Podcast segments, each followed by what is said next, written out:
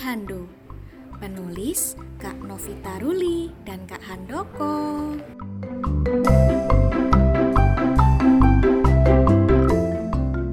Saat itu selesai sholat tarawih, Cika bermain engkle bersama saudaranya Hando. La la la aku bisa. Ah, sebentar ya kak.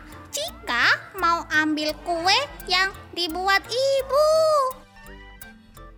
Cika, sebelum makan cuci tangan dulu ya. Jika tidak menghiraukan nasihat kakaknya, dia langsung bergegas pergi ke dapur. Sampai di dapur, Cika langsung melahap kue donat buatan ibunya.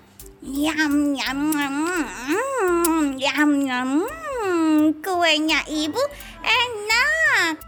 Tadi Cika sudah cuci tangan belum? Keesokan harinya, perut Cika merasakan sesuatu. Aduh, perutku mules. Kemarin Cika lupa cuci tangan. Iya kak, Cika kemarin buru-buru makan kue donat.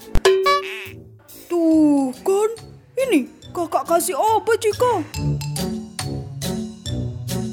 Jadi, menurut WHO, mencuci tangan agar bersih menghabiskan waktu sekitar 20 sampai 30 detik.